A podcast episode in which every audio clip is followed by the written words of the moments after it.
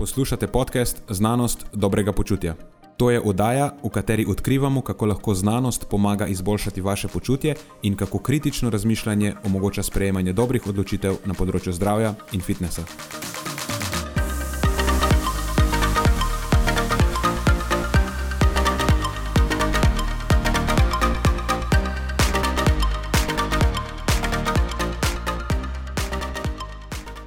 Pozdravljeni, z vami sva Nenad in moj sovoditelj Matjaš. Glavni temi tokratne epizode sta najprej zelo pomemben, ampak tudi zelo pogosto zanemarjan dejavnik tveganja za srčno-žilne bolezni, in potem v zadnjem obdobju precej priljubljeno prehransko dopolnilo.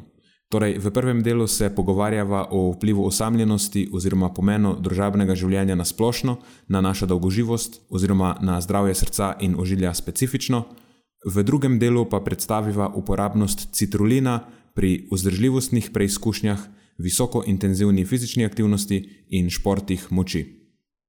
Preden začnemo, pa se moram zahvaliti še našim sponzorjem. Zaenkrat to še vedno ni velika korporacija, temveč zvesti poslušalci, ki nam izkazujete zaupanje in podporo s prijavo v našo člansko skupino Znanost dobrega počutja. Hvala vsem, ki s tem držite luči prižgane in omogočate podkastu, da raste in postaja še bolj kakovosten. Hvala tudi vsem, ki nas podpirate s pozitivnimi komentarji in visokimi ocenami, ter s tem, da priporočate podcast svojim znancem in prijateljem. Zdaj pa je končno čas za začetek epizode. Uživajte ob poslušanju.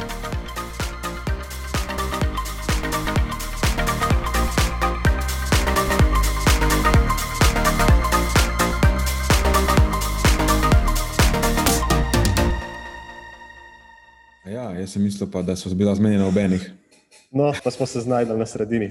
Je dobro, veš, ko jaz mislim, da, je, da so zmenjena prej. No, ja, en jaz... pol ure prej in potem zamudim 20 minut, in dokler se uskladiva, je ura glih taka, kot so se pogovarjala. Odlično. Jaz mislim, da je fajn, da to prakticiramo dalje. Ej, uh, Slavo, ja. Sicer vem, da sem še vedno v podmornici, oziroma danes sem konkretno v podmornici, ampak se me kaj drugače sliši? Ne. Ne? Zelo podmorniško, kot pravega mornarja. Zato, ker imam eno A, nov, nov, nov inštrument. Imam, ja. Mogoče zdaj ne pride do izraza. No? Um, odmeva vse. Odmeva, okay. ker, uh, odmeva zaradi prostora. Ta prostor, v katerem snima, je zelo neoptimalen. Ja. Uh, ni bil narejen za podcastanje. Joe Rogan would not approve. Ja, definitivno prostor. ta prostor ni bil narejen za podcastanje. Dobro, znajdemo se s tem, kar imamo.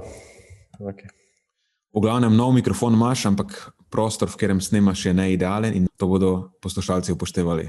Uh mhm, -huh, da nam oprostijo suboptimalno kakovost zvoka. Tako, tako. Dobro. Danes nimamo nobenega posebnega housekeepinga, nismo dobila novega reviewja. Uh, dobila sva, se mi zdi, še eno pet zvezdic, brez reviewja. Uh ja. -huh. Tako da zdaj smo nabrali kar nekaj teh pet zvezdic, no, eno zvezdico imamo, sem še eno, brez revija, ki, ki je že dolgo časa. Mm, tisti, ki jo je dal, ni želel se javiti. Ni želel predvsem. To je bilo še pred časom, ko so uspodbujali, da ene zvezdice rabijo reviju. Tako da se mu oprosti ali pa njej ali pa kakorkoli. V temnih časih, v dark časih. Ja. Ok, torej nič housekeepinga, v redu. Um, ja, nič posebnega housekeepinga nimava. Razen to, da pač uspodbujava še zmeraj, da nam dajete revije in uh, zvezdice, kjer je to možno. Revije je možno dati samo na Apple podcastih oziroma iTunesih ali kakorkoli.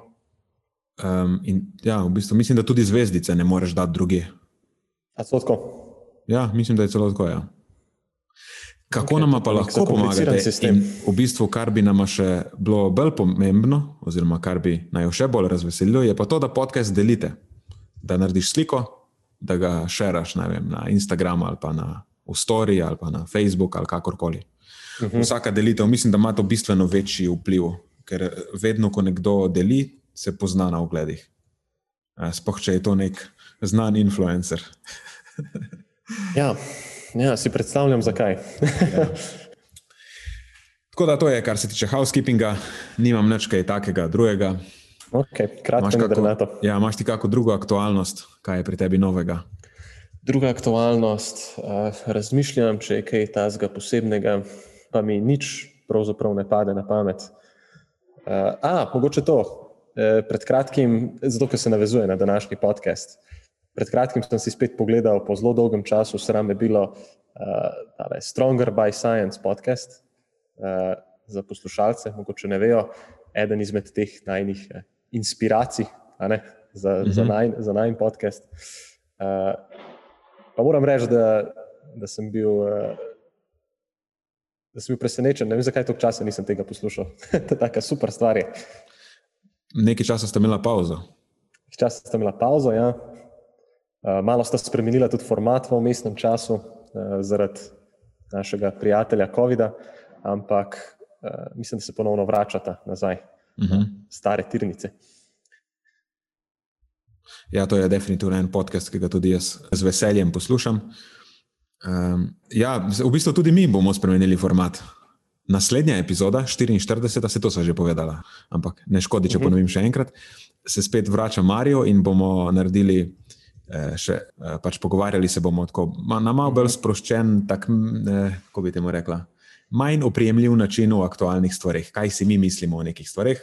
Na zadnje tista epizoda z lekcijami je bila ljudem očitno precej všeč, tako da zato smo se odločili, da vsake štiri epizode eh, ponavljamo ta neko tako bolj mnenjsko epizodo. Matjaš sicer ni bil navdušen, eh, zdaj ko je omenil, da ima rad to Stronger by Science, ga moram spomniti, da v bistvu Stronger by Science ima zelo močno mnenjsko komponento tudi ustavljeno. Ja, zdaj si me dobil. Ja, ja pričakujem tudi, bi... od... ja, pričakujem ja, tudi od tebe, da boš, mene, da boš ja. bolj. Eh, da, da, se boš, da se boš udal in boš več svojih mnen delil z nami. Le, definitivno. Reči, publika ja. spodbuja to, publika pričakuje, da tudi ti. Eh, zadnjič mi je napisal, da si želi, da bi Matjaš več povedal, kaj si misli, ne samo da bi povedal, kako stvari so, ampak da bi povedal tudi, kaj si misli, ker po njegovo uh, imaš pravico do svojega mnenja. no, hvala lepa. kdorkoli je dal to mnenje.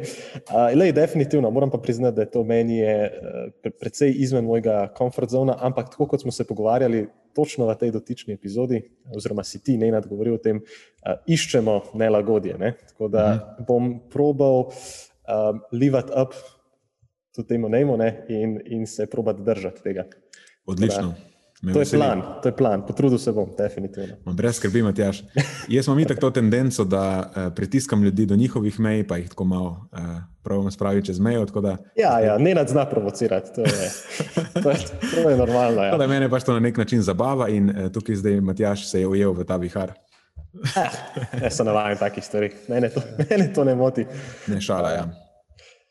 Če smo pa že pri teh eh, menskih stvarih, ravno zato, ker imam Marija tako pred seboj, pa lahko naredim še eno hitro, brezramno samo promocijo, ker vem, da je pač on ne bo ta trenutek, oziroma nima te priložnosti. Eh, in eh, ravno dela eno tako mensko predstavitev o motivaciji, če se ne motim, uh mhm. -huh. za te kinvitalove, kako so že kineziološke dneve. Tako je. Tako da snemanje, mislim, da poteka zdaj, jutri, če se ne motim, stvar bo pa tudi kmalo na razpolago.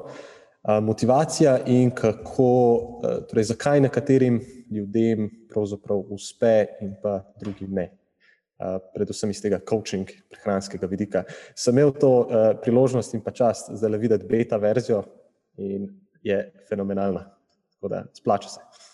Ja, definitivno. Že ti kinvitalovi kineziološki dnevi so vedno tako zanimiva stvar, tudi ostale predavanja sem zihar, da bodo zanimiva. Uh, glede na to, kdo prihaja, definitivno. Ja, def, ja, ne dvomim, pa niti, niti malo ne dvomim, da bo Marijova predstavitev uh, zelo, zelo zanimiva. Da, uh mhm. -huh. Vsekakor priporočam, da vsaj to nabavite ali pa kar komplet. Mislim, bolj se splača cel komplet vzeti, realno, uh mhm. -huh. ne samo enega predavanja. Ja, ja, ja. Uh, če, pogugla, če pogooglate kineziološki dnevi, pa in vital še zraven, ne morete zgrešiti.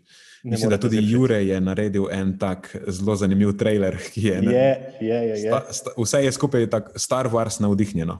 Odlično je. Tako da za tiste, Jure, ki so fani. Fantastično je to. ja, Jure je odlično upravil nalogo. ja, definitivno. Torej, Marijo, uh, Luka Hočevar. Uh, da se pa v bistvu izgubi. Stuart svoj, McGill. Stuart McGill, podobni, torej ja, same smetana. Tako.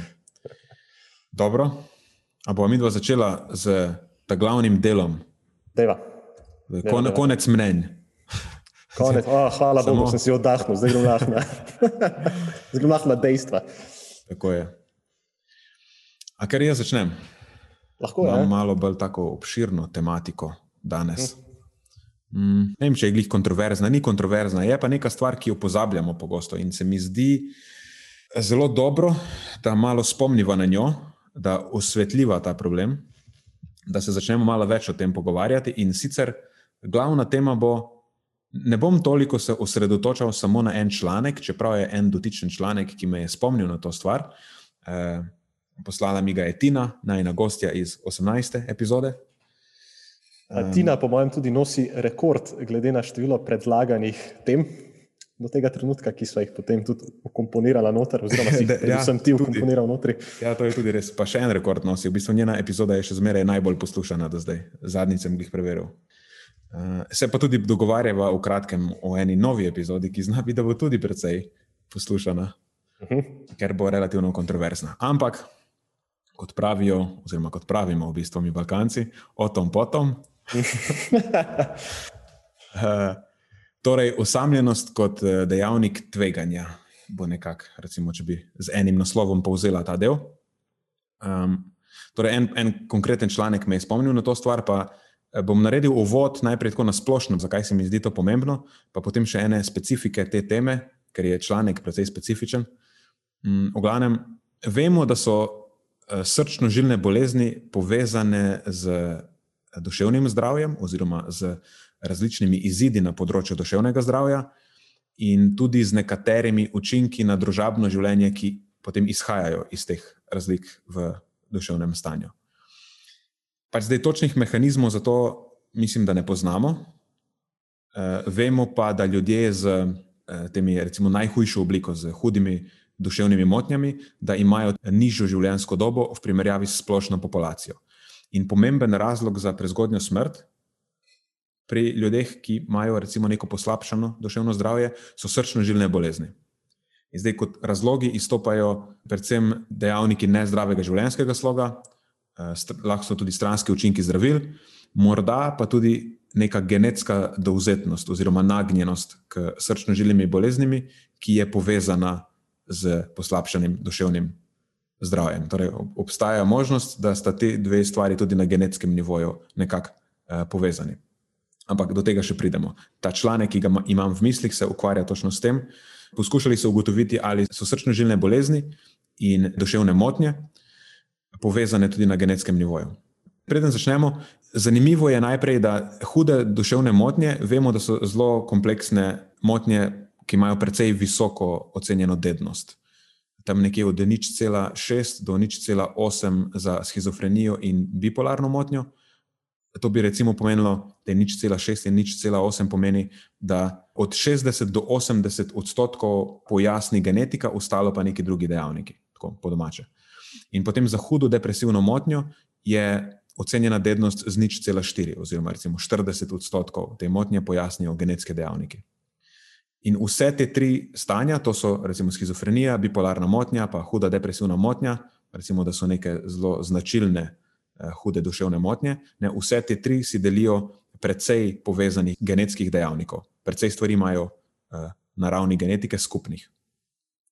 Zdaj, okolje in življenjski slog najbrž igrata pomembno vlogo, vsaj pri uravnavanju simptomov, ko nekdo že trpi za temi stanji, ampak vprašanje, koliko lahko dejansko samo z življenjskim slogom vplivamo na neko preventivo pred razvojem teh stanj. Uh, zdaj na tej točki, itak o tem ne vem niti približno za dosti, da bi želel biti pameten ali karkoli, zato se bom tega, ta del bom malo zanemarjal, te uh, hujše duševne motnje bom malo zanemarjal in se bom bolj osredotočil na uh, srčno-žilno zdravje in kako so v bistvu ti neki dejavniki, ki izhajajo iz našega duševnega zdravja, oziroma tega, kako na psihološkem nivoju interaktiramo z okolico, kako so povezani z srčno-žilnim zdravjem. Ker srčno-žilno zdravje realno je nekaj, na kar se pogosto navezujemo, ko razlagamo, kako pomembna sta prehrana in vadba za naše zdravje. Ne? To je pač, moraš imeti dobro prehrano, pa moraš vaditi, zato da boš imel zdravo srce in ožilje. In to nedvomno drži. Prehrana in vadba sta pomembni determinanti zdravja našega srca in ožilja. Ampak se mi pa res zdi, da zelo zanemarjamo še en zelo, zelo pomemben dejavnik, in to je vpliv našega duševnega zdravja in predvsem, kako bi rekel, temu, družabnega zdravja. To sem si kar zmislil. torej, pozabljamo se vprašati, kako zdravo je naše družabno življenje, še posebej v kontekstu nekih sprememb prehrane in vadbe, torej, ko spremenjamo svojo prehrano in vadbo. In se mi zdi, da res ni dobro, da pozabljamo na ta del zgodbe. Prvič ne zato, ker lahko včasih, včasih ali pa relativno pogosto, prehrana in vadba vplivata negativno na ta dejavnik, ne sploh, če so to neke, neke ekstremne prilagoditve. In drugič ne zato, ker, ampak to je mogoče še posebno pomembno izpostaviti, da je lahko ta dejavnik bolj pomemben ali pa vsaj enako pomemben za srčno-žilno zdravje, kot sta prehrana in vadba mislim, da večina se res ne zaveda, kako pomembno je naše družabno življenje, oziroma neka družbena upetost, upletenost, kakorkoli. Oziroma, kako zelo pomemben dejavnik tveganja na tem področju je občutek osamljenosti pa neke družbene izolacije za različne kronične bolezni, proti katerim se probamo s prehrano in vadbo uh, boriti. Nekak. In potem smo zelo neurotični, zelo neurotično se ukvarjamo s prehrano in z vadbo, in če na drugi strani imamo zaradi tega negativne posledice na naše družabno življenje, je to lahko v bistvu net minus, ko potegnemo na koncu črto. In pazi zdaj to. Vpliv pomankanja družbenih odnosov na prezgodnjo umrljivost je nekako v literaturi primerljiv z, pa rečemo, najbolj ustanovljenimi dejavniki tveganja. Torej, pomoči je podoben učinku kajenja. Pazite, učinku kajenja. In močnejši je od tveganja povezanega z debelostjo in povišanega krvnega tlaka in tukaj govorimo specifično o srčno-žilnih boleznih. Ne? To, da nekdo subjektivno poroča o osamljenosti, je povezano s srčno-žilnimi boleznimi bolj kot povišan krvni tlak. Divje. To je kar divje. Ja. To je zelo divje. Ja. Um, tako da ja, med dejavniki eh, tveganja, ki so pač nekako povezani z našim družabnim življenjem, je osamljenost tista, ki najbolj izstopa. To je najbolj eh, detrimental, kako je to po slovensko. najbolj slab, najbolj, najbolj izrazit učinek. Je. Ja, najbolj izrazit negativen, negativen vpliv. In zanimivo, da v tem članku, to se mi je zdelo, tako je. Pa mogoče lahko rečem, da je elegantna definicija osamljenosti. V tem članku so definirali osamljenost na dva načina. Na začetku, osamljenost je subjektiven občutek razhajanja oziroma neskladja med zaželjeno in doseženo stopnjo družabnih odnosov. Ne? Torej, med tem, kaj si mi mislimo, da bi bilo dobro za nas, v smislu naših družabnih odnosov, in med tem, kaj dejansko dosegamo. In potem še ena je, da je to subjektiven občutek, da pač posameznikove družabne potrebe niso zadovoljene. Torej, v obeh primerih gre za nek uh, subjektiven občutek. Ne?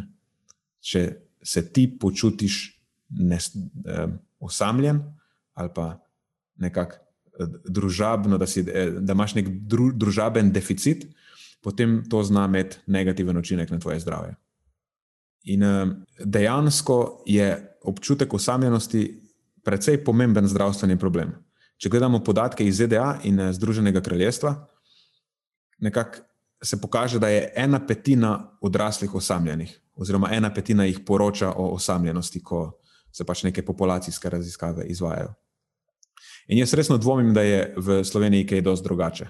Mislim, živimo podobno življenje, sploh kot recimo uh, Združeno kraljestvo je, ne vem, lahko rečemo, mogoče, da je evropska država, tako da bi, ne bi pričakoval, da so neke drastične razlike med njihovim in našim življenjskim slogom. In tudi, če gledamo to sodobno družbeno dinamiko, a veš, vedno bolj smo investirani sami vase, vedno bolj se ukvarjamo z vem, svojimi telesi, recimo svojo, eh, neko, nekim fizičnim izgledom, svojo prehrano, svojo vadbo, in vse to močno vpliva, ali pa lahko, ali pa potencialno močno vpliva k nekemu občutku osamljenosti, lahko ga potencira. Ne? Ker ne moreš osamljenosti rešiti tako, da skrbiš zase, oziroma da še bolj skrbiš zase. če ne želiš biti osamljen, potem ali moraš najti nekoga, za katerega ti skrbiš, ali pa najti nekoga, ki skrbi za te, ali pa idealno najti nekoga, ki, da skrbita en za drugega. Vsaj dva sta potrebna, da igrata to igro. Ker ukvarjanje sam s sabo te ne more rešiti pred deficitom državnih odnosov. Ne, mi pa se vedno bolj ukvarjamo sami s sabo. In tudi nekako, če gledaš. Eh, kako ti družabni mediji, kar je zelo ironično, da se jim reče družabni mediji, kakšen način odnosov spodbujajo, pač to niso neki zelo globoki odnosi, ki bi te, po moje, zaščitili pred tem. No? Lahko pa celo potencirajo to antisocialno vedenje, ker ti se samo s sabo se ukvarjaš misliš si sicer, da iščeš povezanost z drugimi ljudmi, svojimi sledilci, recimo v narekovaju, ampak v bistvu samo potenciraš svojo osamljenost in si sam še bolj nesrečen na koncu. Tako da malo ironično, ampak dobro, da ne, da ne zaidem.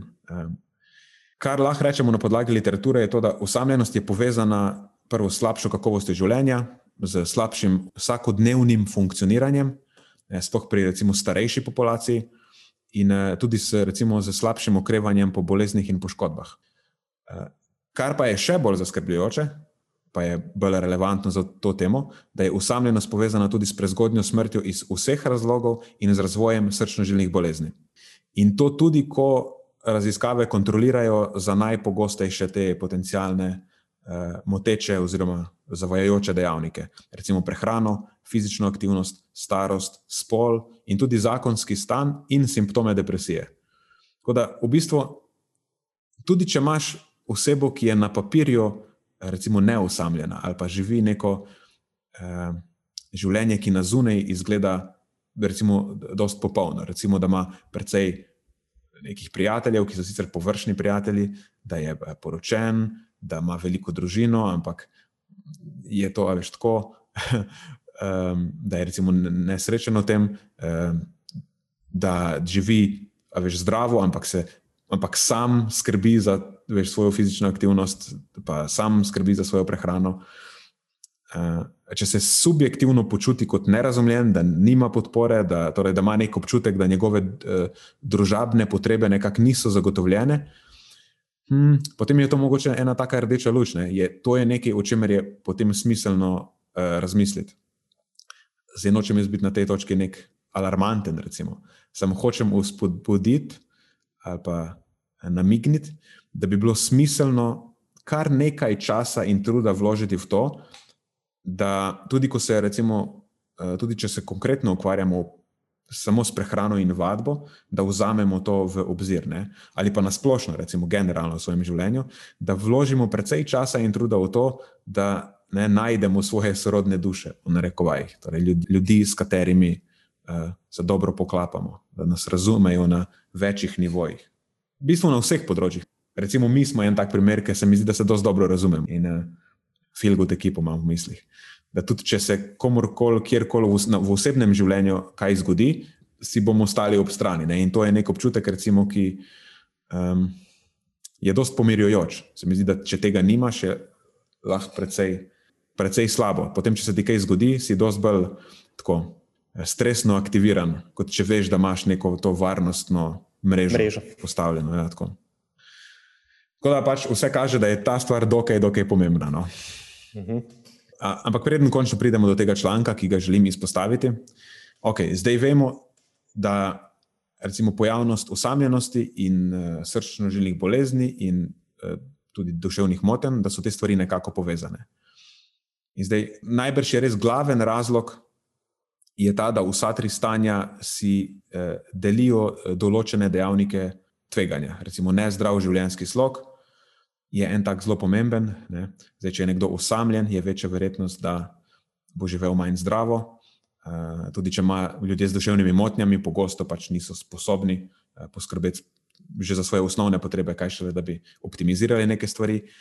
Uh, in vemo, da recimo potem vse te stvari vplivajo tudi na neke izide na področju srčno-žilnega zdravja. Potem še ena stvar je recimo pač stigma, ki je povezana s tem. Ne?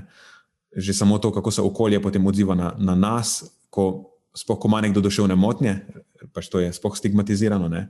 Po drugi strani pa eh, tudi kako se potem naše stanje odraža na naše okolje. Ne? Ljudje se nočejo družiti z nami, če smo malo tako zateženi, tečni, preveč nagnjeni k neki usamljenosti.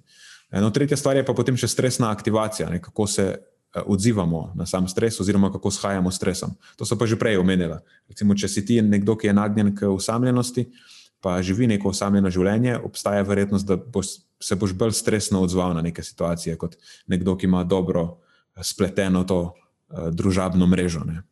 Boš lažje shajal s stresom.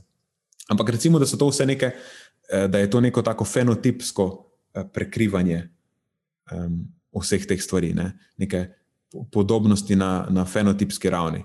Zdaj pa vprašanje je, do kakšne mere na to dejansko vpliva naš genotip, ne? neka naša genetska arhitektura, koliko dejansko lahko naša biologija tega pojasni. Ker lahko bi rekli, da okay, to je stvar, ki se je ti naučiš med tem, ko te ljudje vzgajajo oziroma te oblikuje okolje. Ne? Ampak možno pa je, da je ta fenotipska podobnost v veliki meri posledica nekih genetskih nagnjen, da so ljudje pač nagnjeni k temu, da so osamljeni, in hkrati so potem nagnjeni tudi k temu, da imajo večje tveganje za srčno-žilne bolezni ali pa za neke hude duševne motnje. Ker prej, recimo, smo že rekli, da resne duševne motnje so močno dedne. Za usamljenost, ne, tudi čeprav vemo, da na njo močno vplivajo ta družbena mreža, podpora, tudi socioekonomski status, tega nisem povedala, in tako dalje, še neke druge stvari. Je zanimivo, da tudi za osamljenost se ocenjuje, da je dednost okoli nič cela štiri do nič cela pet. Torej, skoraj polovico, že zdaj vemo, da polovico te osamljenosti lahko pojasni genetika, tako da to je dosti visoko. In vemo tudi, da za srčno-žilne bolezni obstajajo pomembni genetski dejavniki tveganja. Ne, imamo variante, ki so povezane z indeksom telesne mase, z diabetesom tipa 2, z LDL holesterolom, z krvnim tlakom in sicer še s čem, česar se zdaj ne spomnim. Na, na, na, na tej podlagi so potem v raziskavi, do kjer smo zdaj končno prišli, uh, probali ugotoviti, da dejansko se te genetski dejavniki med sabo prekrivajo. A je možno, da so dejavniki, ki nekoga izpostavijo tveganju za osamljenost ali pa resne duševne motnje, enaki dejavniki, ki ga izpostavijo tveganju za srčno-žilne bolezni. To je članek od Rodevant in sodelavcev 2021, objavljen je v Translational Psychiatry. To je v bistvu revija, ki jo objavlja ta Nature Publishing Group. In eh, oni so v njihovi raziskavi preučevali, temu so rekli, overlapping genetic architecture. To je v bistvu prekrivajoča se genetska arhitektura. V bistvu so poskušali ugotoviti, ali obstajajo genski lokusi, ki si jih med sebojno delijo hude duševne motnje, osamljenost in srčno-žilne bolezni. Glede na to, da so vsa tri stanja, oziroma skupine stanj, med sebojno precej tesno povezane, jih je potem zanimalo točno to, ali obstajajo tudi neki dejanski eh, globiji biološki, rečemo temu v narekovajih, oziroma genetski eh, razlogi. Zdaj, predtem so začela to snemati, sem Marijo razlagal, kako zanimiv je ta članek. In mi je rekel, ok, samo moraš, moraš povedati, kaj pomeni lokus. Tako da bo najprej, preden nadaljujem, z, ker je dosti tehničen članek, je smiselno nekaj stvari povedati. Najprej, kaj je lokus sploh v genetiki. Čist na kratko, to pomeni določen položaj na kromosomu, kjer se nahaja nek gen oziroma nek genetski marker. Ne? Ker na vsakem kromosomu je en cel kup genov in vsak ta gen je na nekem specifičnem položaju. In za ta položaj se reče, da je to lokus tega določenega gena. In kaj je za našo tematiko še posebno pomembno, je to, da za vsak gen načeloma obstaja več različnih različic, variant tega gena in temu rečemo aleli. Ne?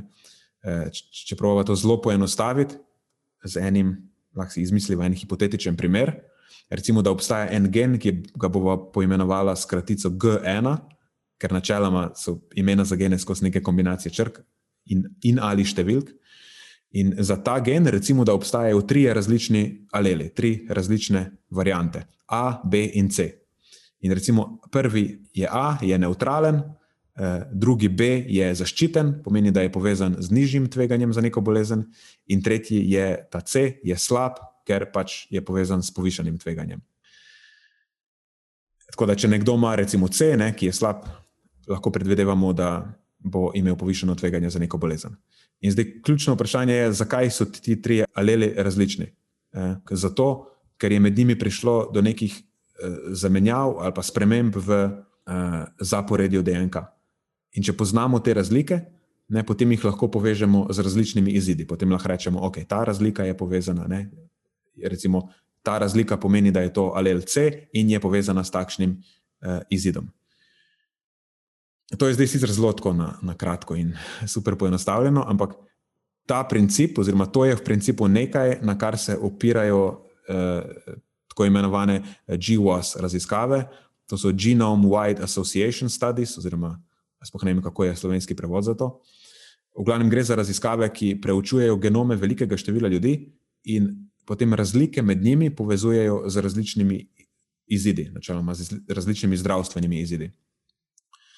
Eh, in potem na, pod, na podlagi tega eh, probajo identificirati eh, točno določene razlike v DNA. In načeloma so to SNP. SNP to pomeni Single Nucleotide Polymorphism, in, oziroma po slovensko so to polimorfizmi posameznega nukleotida. In čist spet po domače, um, to so položaji v DNA, kjer je prišlo do zamenjave v enem samem nukleotidu. Ne, in eh, ta zamenjava je, lahko, je potem lahko povezana z nekim različnim zdravstvenim izidom. Ne. In ta, recimo, ta ena zamenjava je lahko razlika med alelom B in C. Je lahko razlika med tem, ali, je, ali nosimo zaščitni ali slab gen. Recimo, če malo bolj plastično pravim to povedati, recimo, da je na nekem delu alela B za ta gen G1 zaporedje nukleotidov Eh, recimo AATTG, ne, za alel C tega istega gena pa je AAATG. Ne, to pomeni, da vidimo, da je razlika je v tretjem A-ju, oziroma T je zamenjan za A.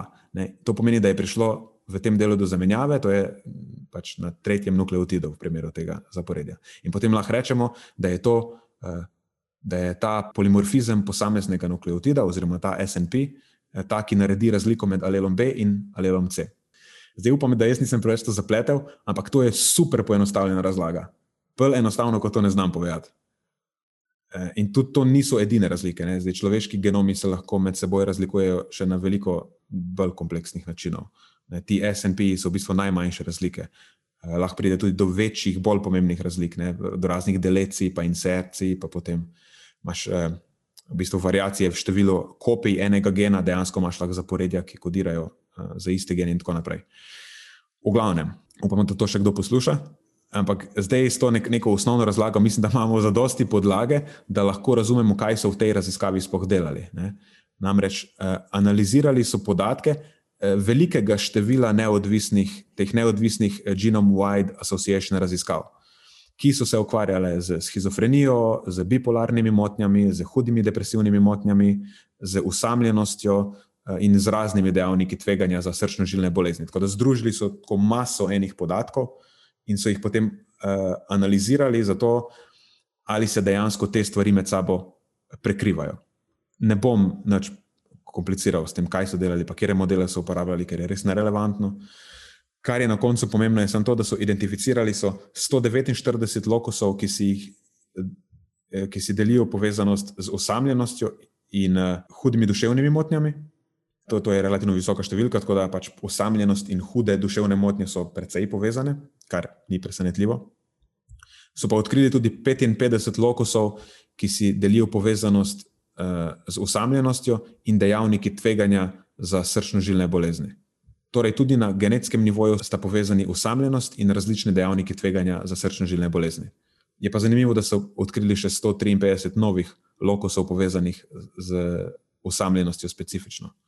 Tako da ima tudi usamljenost zgleda precej, precej močno genetsko komponento oziroma nagnjenost k osamljenosti. Ne?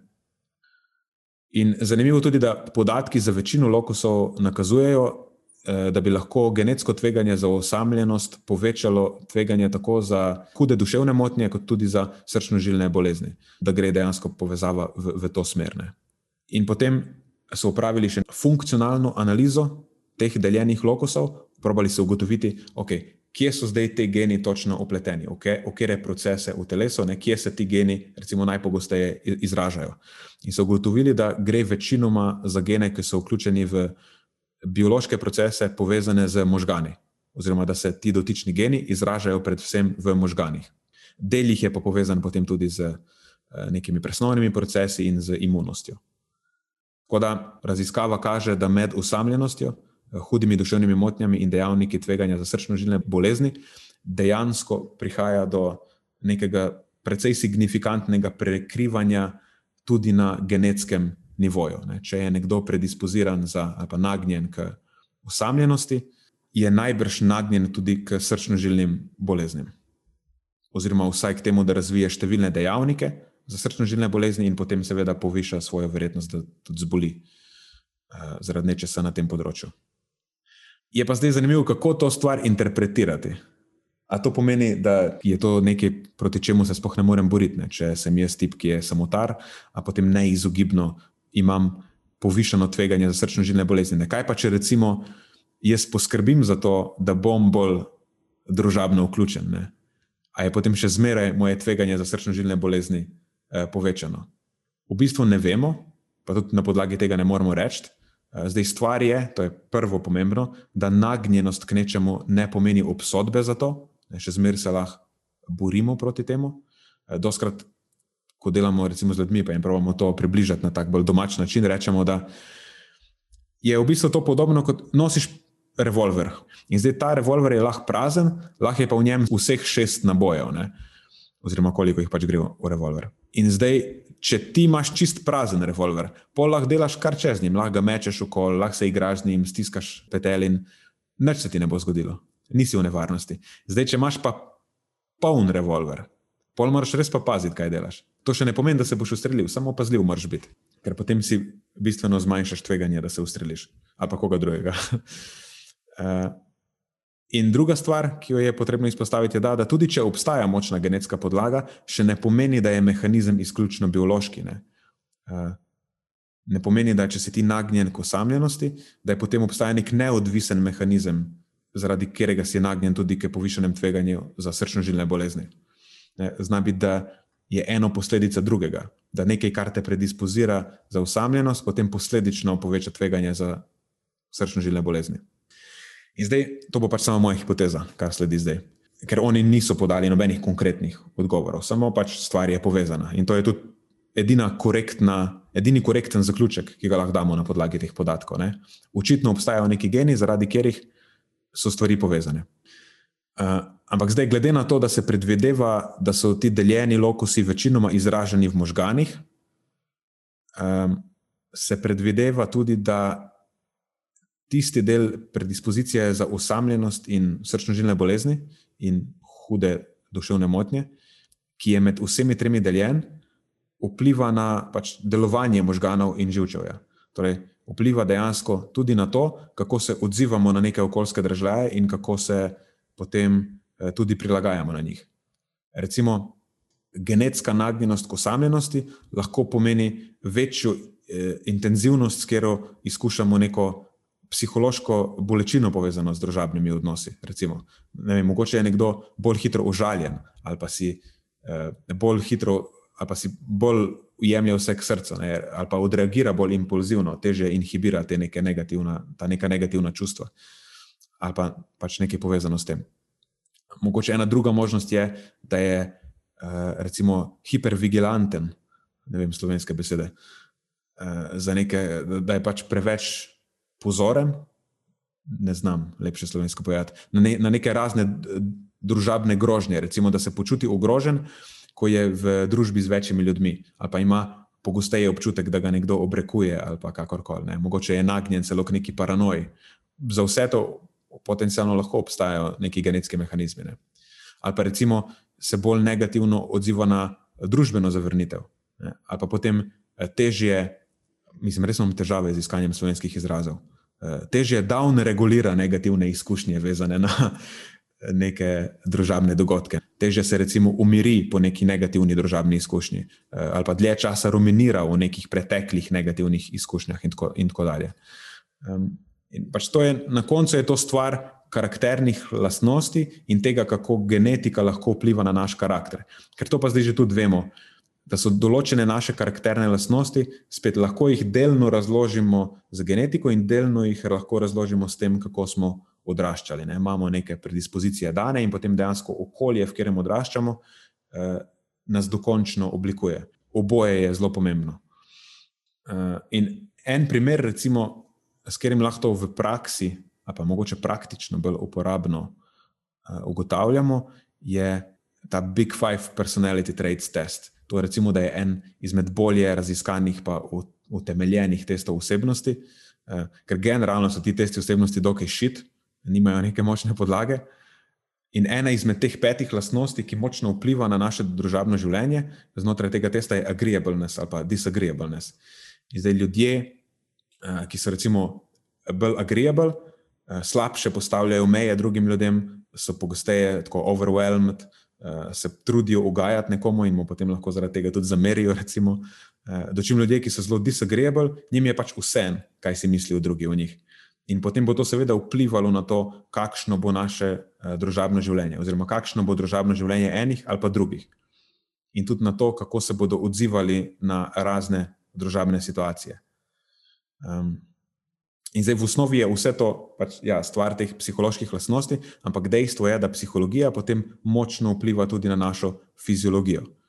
Um, in pač vemo, da usamljenost je pri ljudeh precej tesno povezana z povišeno uh, aktivacijo hipotalamično, hipofizno, nadledvične vsi, to je po domače z stresnim odzivom.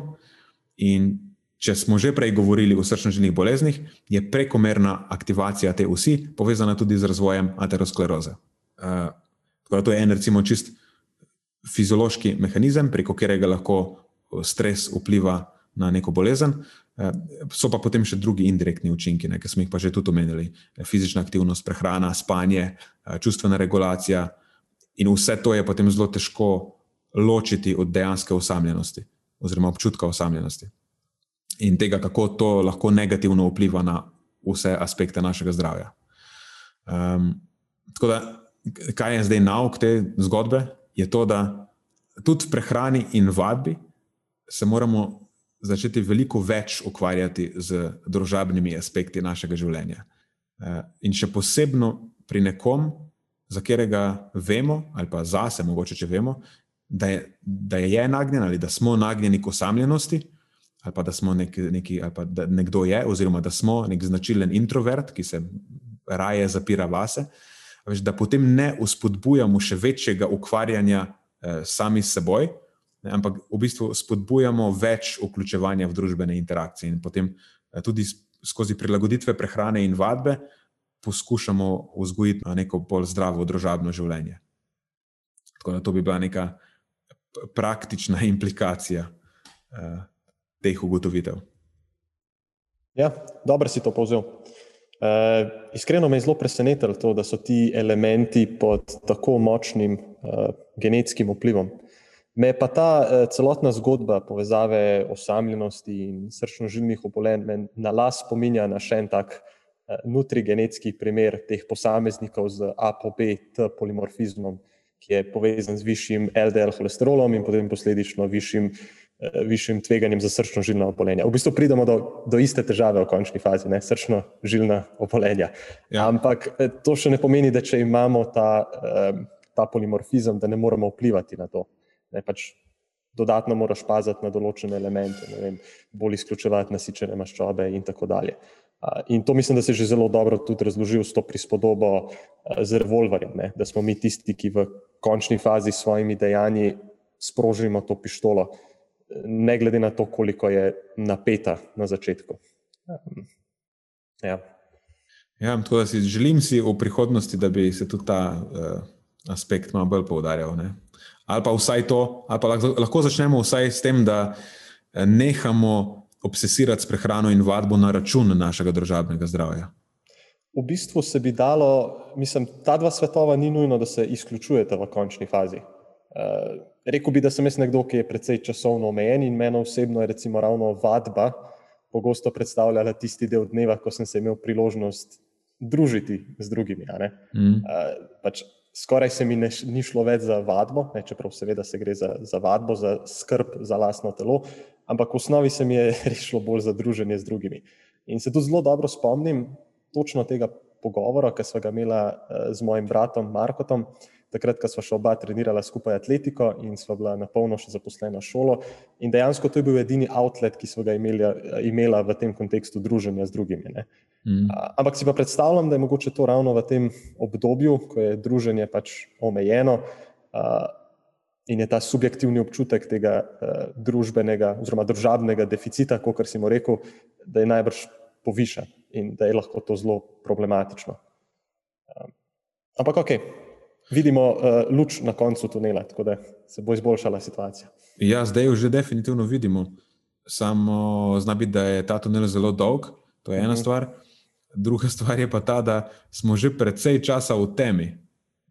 Ja. Dobro, si, dobro si tudi to dodal.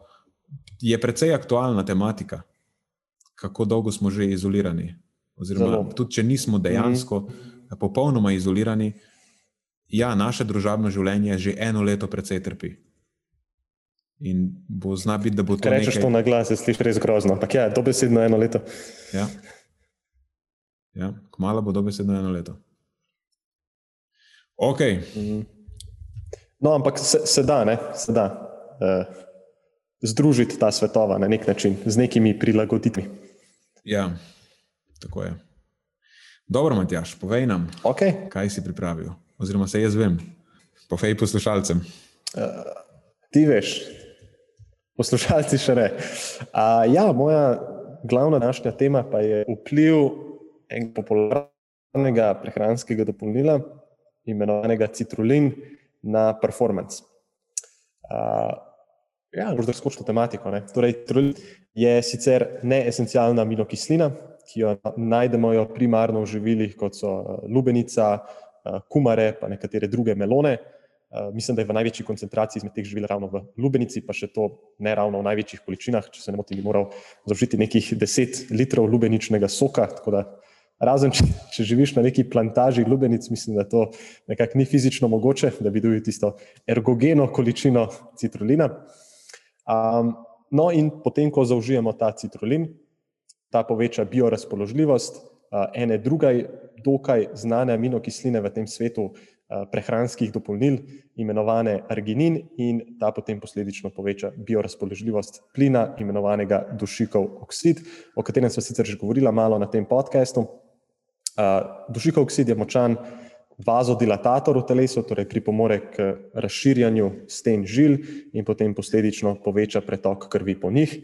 In To naj bi imelo potem številne pozitivne vplive, med drugim tudi na zmogljivost, na regeneracijo po vadbi, pa potencialno celo na nekatere aspekte zdravja.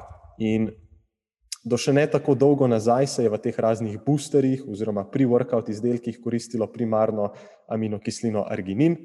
Um, kajti dušikov oksid v telesu nastane ravno iz te aminokisline arginin preko družine encimov imenovanih dušik oksid sintaz ob prisotnosti kisika in ta proces, kot sem rekel, poteka endogeno ne, v našem telesu. Ampak po drugi strani pa zdaj že nekaj časa vemo, da dodajanje tega arginina kot prehranskega dopolnila pa ni ravno najbolj smiselno zaradi narave same presnove arginina, kjer je precej velika, precej dobršna mera tega arginina je podvržena hidrolizi strani encima arginaze, s čimer se arginin potem pretvori v ornitin in pa v urejo, to je sečnina. In arginin kot tak v obliki prehranskega dopolnila potem v precej zanemarljivi količini stimulira proizvodnjo dušikovega oksida. No in potem je zatem kmalo na tržišče vstopil citrulin, Eh, ki pa zaobide ta del prebave katabolizma strani tega encima arginaze v črevesju in potem posledično dejansko dvigne biorazpoložljivost arginina bolje, kot če bi vzeli arginin kot tak. Ne, kajti citrulin se v bistvu direktno transportira v ledvice in tam poteka njegova pretvorba v tisti um, v arginin in potem nadaljna pretvorba v dušikov oksid. Tako da je precej smešno, da pač jemanje citrulina bolje poviša biorazpoložljivost arginina in potem posledično dušikovega oksida kot sam arginin, ampak ok, tako pač je, nisem si jaz zmislil teh biokemijskih poti. um, kakšen je pa zdaj pravzaprav vpliv te te aminokisline, tega prehranskega dopolnila citrulina na zmogljivost. Zdaj, da si bomo odgovorili na to vprašanje, si bom danes pomagal z enim nedavnim pregledom literature, narejenega strani Gonzaleza in pa prej omenjenega Erika Trexlerja, katerega sem omenjal ne v kontekstu te inspiracije za najn podcast. Lahko mogoče povdarim za začetek, da je to pod narekovaji zgolj oziroma samo pregled literature, torej ni sistematični pregled, pa tudi metaanaliza ni bila izvedena, torej obstaja neka večja možnost težav na naslovu neke pristranskosti. Ampak ok, mislim, da sta to dva raziskovalca, ki ima vsaj jaz precej zaupam na tem področju, tako da ne vidim nekih težav. Kar se tiče samih rezultatov, lahko vpliv citrulina razdelimo v različne kategorije, v odvisnosti od same um, oblike vadbe, ki je bila preučevana v različnih raziskavah. In prva taka kategorija je vzdržljivostna vadba. In vpliv na slednjo je v literaturi, v primeru citrulina, najpogosteje merjen v obliki kakšnih um, testov, tekov ali pa vožen na čas. Torej, karikiramo, imamo neko skupino, ki vzame citrulin, in drugo, ki prejme placebo, potem vsi udeleženci pretečejo ali pa prekolesarijo neko vnaprej definirano dolžino in potem merimo razliko v času, ki je potreben za to, ter delamo primerjavo razlike pred in po suplementaciji. No, in v takih situacijah se citrulin izkaže kot relativno koristno dopolnilo. Je pa res, da rezultati niso ravno najbolj konsistentni. Torej, pogosto sicer zasledimo pozitiven učinek, čeprav je ta dokaj majhen, spet drugič tega učinka ne zaznamo. Um, opažamo pa lahko tudi nek trend v tej smeri, da je kronično jemanje citrulina najmanj sedmih dni zapored tukaj boljša, bolj učinkovita strategija kot uh, uživanje zgolj enkratnega, nekega akutnega vnosa citrulina. Uh, torej, to je, kar se tiče vzdržljivostne vadbe, tukaj dejansko lahko rečemo, da se sledimo največji učinek citrulina. Če se potem premaknemo iz tega sveta vzdržljivostnih vadb na popolnoma drug konec spektra, torej do vpliva citrulina na neko visoko intenzivno vadbo, torej pomislite na kakšne šprinte, skoke v višino ali pa visoko intenzivno prekinjajočo se vadbo, ki jo zasledimo pri kakšnih ekipnih športih. Ne vem, nekdo za šprinta, pa potem malo pauze, malo stagnira, pa potem spet nek šprint ali pa borba za žogo ali karkoli že. No, na tem naslovu pa že naletimo na bistveno bolj mešane rezultate kot v primeru vzdržljivostnih športov. In Težko bi podal neko dokončno mnenje, ampak lahko pa rečemo, da je ta učinek uživanja citrulina v teh primerih bistveno manj izrazit na podlagi literature in tudi ne bi mogel potem citrulina ravno vrstiti med neka najbolj učinkovita dopolnila iz vidika izboljšanja neke visoko intenzivne vadbe. Seveda pač potrebujemo še več dobro kontroliranih raziskav na tem področju, ampak moje osebno mnenje je, da če bi obstajal neki izrazit učinek, bi ga načeloma že nekako odkrili do te točke. Ne? Potem, če se premaknemo dalje, je tukaj vpliv citrulina na moč. Mogoče nekaj, kar zanima vsakega, ki jemlje citrulin samostojno ali pa še pogosteje v tandemu s kakšnimi drugimi prehranskimi dopolnili v obliki pre-workout izdelkov. No, tukaj sem si pa pomagal še z enim nedavno objavljenim sistematičnim pregledom literature in metaanalizo tokrat, ponovno objavljenega strani Trexlerja in sicer leta 2019, ki pa se je ukvarjal izključno z vplivom citrulina na moč. In uh, zaključki te metaanalize so, da ima citrulin majhen, ampak statistično signifikanten vpliv na moč, čeprav težko podamo neke dokončne smernice, glede na majhno število trenutno obstoječih raziskav, in tudi trenutno dobivamo nove in nove raziskave na tem naslovu, tako da predvidevamo, da, bodo te, da bodo te raziskave malo bolj osvetlile to področje. In zanimivo je, da avtori tukaj predpostavljajo tudi nekatere druge potencijalno ugodne učinke jemanja citrulina, predvsem dolgoročnega, kroničnega jemanja citrulina, torej ne samo vplivi na naslovo povečanega pretoka krvi po telesu, ampak tudi potencijalne koristi na naslovu uh, učinka dušikovega oksida na mišično hipertrofijo preko teh tako imenovanih satelitskih celic.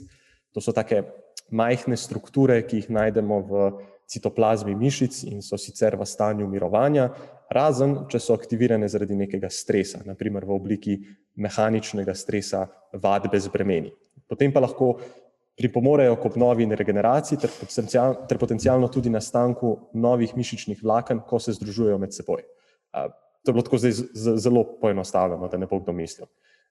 Je pa res, da je bil ta kronični učinek jemanja dušikovega oksida na satelitske celice odkrit zgolj na živalskih modelih, kar pa najbrž že do te točke spremljanja tega podcasta veste, da je to daleč od nekega popolnega dokaza, da bi bila ta stvar koristna za ljudi. Ampak nekaj, nekaj zanimivega za preučevati v prihodnosti. Tako da, ja, nek majhen vpliv citrulina na moč očitno obstaja, spet ta vpliv je daleč od tega, da bi bil drastičen in zagotovo je tudi bistveno manjši od nekaterih drugih bolj učinkovitih dopolnil na tem naslovu, kot je recimo kreatin. Je pa to spet, vsaj meni, precej zanimivo področje, tako da komaj čakam, da dobimo še več raziskav na tem naslovu. Še ena stvar je, ki se pogosto uh, omenja skladno s citrulinom in to je vpliv na regeneracijo, kajti ta povečan pretok krvi po mišicah kot rezultat jemanja citrulina pomeni po eni strani tudi boljše odstranjevanje teh presnovnih produktov vadbe iz aktivnih mišic in pa to, da večja količina hranil naj bi prišla do delujočega tkiva in to naj bi potem posledično koristilo regeneraciji. No, na tem naslovu zasledimo nek marginalen vpliv, predvsem pa na subjektivno dojemanje utrujenosti ter zmanjšan občutek muskelfibra, ampak spet to so predvsem neki subjektivni markeri, redkeje zasledimo nek pozitiven vpliv na, naslov, na osnovi objektivnih markerjev, recimo zmanjšanja vem, kreatin, kinaze in podobno.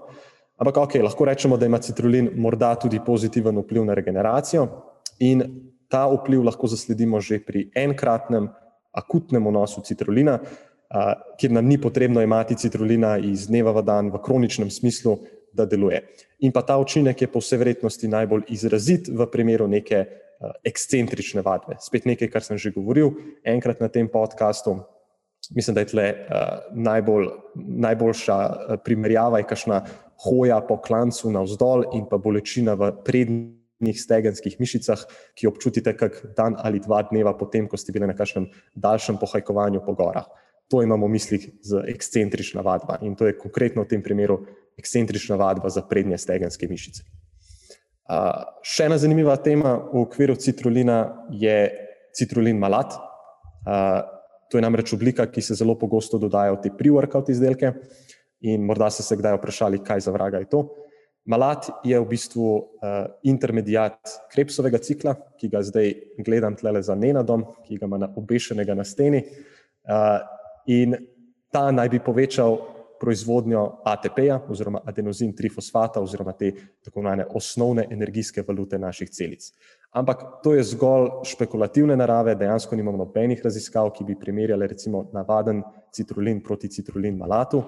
In velik problem takih dopolnil na tržišču je v tem, da ne povedo razmerja med citrulinom in malatom, in z nekim ozirom na to, da ergogeni učinek citrulina zaznamo pri minimalnem vnosu 3 gramov citrulina, še raje nekoliko več, in da je razmerje med citrulinom in malatom običajno 2 proti 1, potem bi bilo potrebno vzeti vsaj nekih 6 do 8 gramov citrulin malata, če želimo videti uh, nek učinek. In običajno to prihaja na nekoliko višjo ceno kot uh, citrulin sam po sebi. Torej, nekako pozorno pri teh dopolnilih, ko jih izbirate.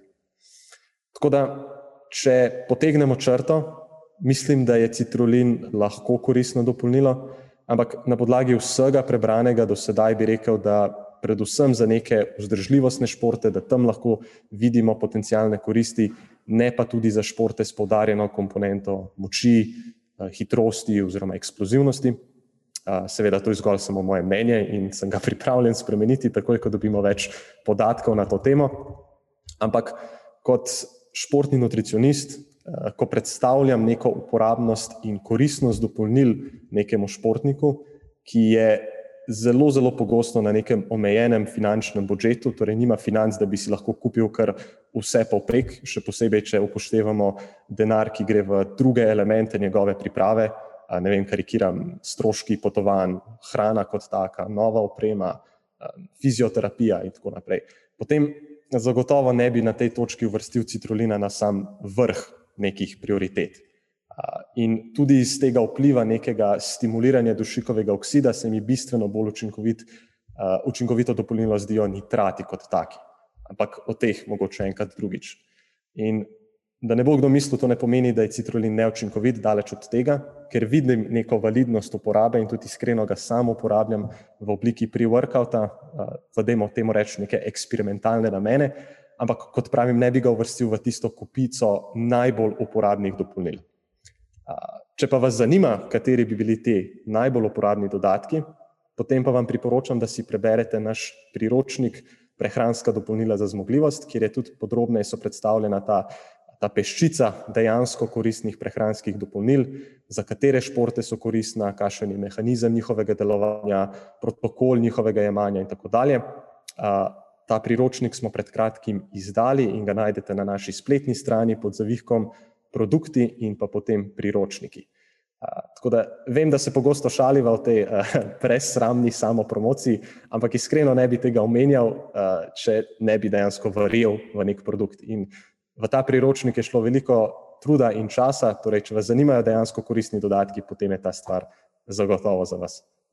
Mislim, ta priročnik dejansko si zasluži ime priročnik. Veš, to niso štirje papirji, zloženi ja. skupaj, pa veš, tako na enem slike gor, ampak je dejansko priročnik s par stranmi koristnih napotkov. Je teorija, zakaj neka stvar, oziroma kako naj bi delovala, eh, protokol je manja, vse je v bistvu količina, kako, kdaj je najboljše vzeti. Da, definitivno je priročnik, pa tudi niso, koliko dopolnili je v tem priročniku. Lahko jih naštejemo na, na eno roko, pet jih je. Okay. V bistvu pet najpomembnejših. Tako, tako. Pet, ki vam da največ za najmanj in imajo za seboj daleč največ znanstvene podlage zapakirano v tak priročen način, tako kot je ne nadejko, kot ime pove, priročnik. si po domač povedano, to je, če se ukvarjaš s športom, pa bi rad ergogene učinke z naslova prehranskih dopolnil, to je potem dejansko pet prehranskih dopolnil, edinih pet, skoraj, ki jih je vredno jemati in zveš, kako jih lahko jemliš in kdaj jih je najboljše vzeti. Mislim, vse, kar rabiš vedeti. Ne rabiš več nikoli brskati po internetu, pa uh, prebirati med tem, ali je zdaj to v redu ali ni v redu, kaj pa ti misliš o kreatinu, kaj pa on misli o kreatinu. Uh -huh. Ne, ne. Tako je napisano, kot je trenutno stališče znanosti o tej temi. Tako, ne rabiš slepo verjeti nekim uh, prodajalcem prehranskih dopolnil, ampak si lahko pogledaš neko, uh, nek objektivni pogled v znanost. Uh, kaj sem še razmišljal? Mislim, da bi bilo edino fair, če bi naši Patreon podporniki dobili nek uh, nek popust na sam priročnik, ampak uh, mislim, da morajo vtipkati kodo. Nisem se še odločil, kako bi bilo imeti kodi. Ja, ne moreš javno, javno povedati, ker pa ne bo samo za njih. Ne tako, da je šala. Jaz se maram kot, to je bila zajbancija z tega. uh, v bistvu, če hoče kdo, kdorkoli od naših Patreonov med priročnik, naj se nam javi. Tako. Pa bomo uredili. Pa bomo uredili, ja. Tako da v bistvu bo tako naredila. Uniki so high-tier uh, Patreoni, ki nam plačujejo kosilo, dobijo priročnik. Ja, se strinjam. Prejšnja zadeva. Edino fair. Rešili smo problem. Mislim, da si, de, da si definitivno zaslužijo. Si, si se strinjam. Pa nam lahko, oziroma pričakujem tudi eh, feedback na tem naslovu eno zvezdico, pet zvezdic, komentar, kakorkoli že, da ga lahko še v bodoče uh, naredimo še boljšega. Je pa tako, da imamo kar nekaj teh priročnikov v izdelavi. Jaz imam enega, do, ampak res dobesedno eno leto, ampak ne me obsojati, ker imam druge stvari. Mislim, da dobesedno leto pa pol. Pa, okay. pa mogoče celo ja. Oziroma enega imam še dlje kot to, samo unega pa ne vem, če bom sploh dokončal, ker sem zgubil interesom. Mislim. Uh, no, tega, kar ga imam zdaj v mislih, bom definitivno dokončal. Zate vem, da imaš vsaj dva. Uh, ja, trenutno sta dva zunaj, torej ta konkretni priročnik in pa priročnik prehrana pred, med in po vadbi. Spet zelo, uh, zelo priročna stvar s konkretnimi primeri, ne samo teorija, ampak tudi praksa. Tega smo napisali skupaj z Marjom, uh, tako da veste, on je zelo, zelo praktično naravnan človek, kar je edino prav. Kmalo bo pa izdano še, še ta drugi Eh, priročnik prehranskih dopolnil, tokrat pa za zdravje, ki se zelo dobro eh, pari skupaj s tem priročnikom za performance. Tako da jaz imam tukaj na tej točki en predlog, oziroma ni predlog, jaz sem se do zdaj že odločil. da bodo najne priročnike, high-tier Patreoni pač dobili, ko izidejo, jih pač jim pripadajo. Mislim, da, da je več kot pošteno. Se strinjam. Sploh glede na to, koliko podpore so nam do zdaj že, uh, a se lahko reče, podarili, naklonili. Ja, ja, tako. Ja, mislim, da je več kot pošteno. Tako da jaz se potrudim, da končam ta priročnik, ki ga imamo v mislih, čim prej, da ga dobite čim prej. Potem pa tudi imam, jaz oba dva mava jih še kar nekaj v mislih. Ja, ja, ja veliko, veliko je še v planu. Uh, da ne omenjamo tega, da jih imamo še predvsej tudi na vadbenem naslovu, ne, ne samo ja. na prehranskem. Ja. Um, to je to. Ja, to je to. Tako da mislim, da smo prišli spet do zaključka. Odlično. Super. Uh, tudi v nekem uh, zelo kulturnem času, mislim, da lahko rečemo. Ja. Okay. Naslednja epizoda, torej spet vrača se Marijo. Uh mhm. -huh. Vračajo se mnenja. Malo bomo podebatirali. A imaš že kaj v mislih? Ne še, moram se začeti pripravljati. Uh -huh.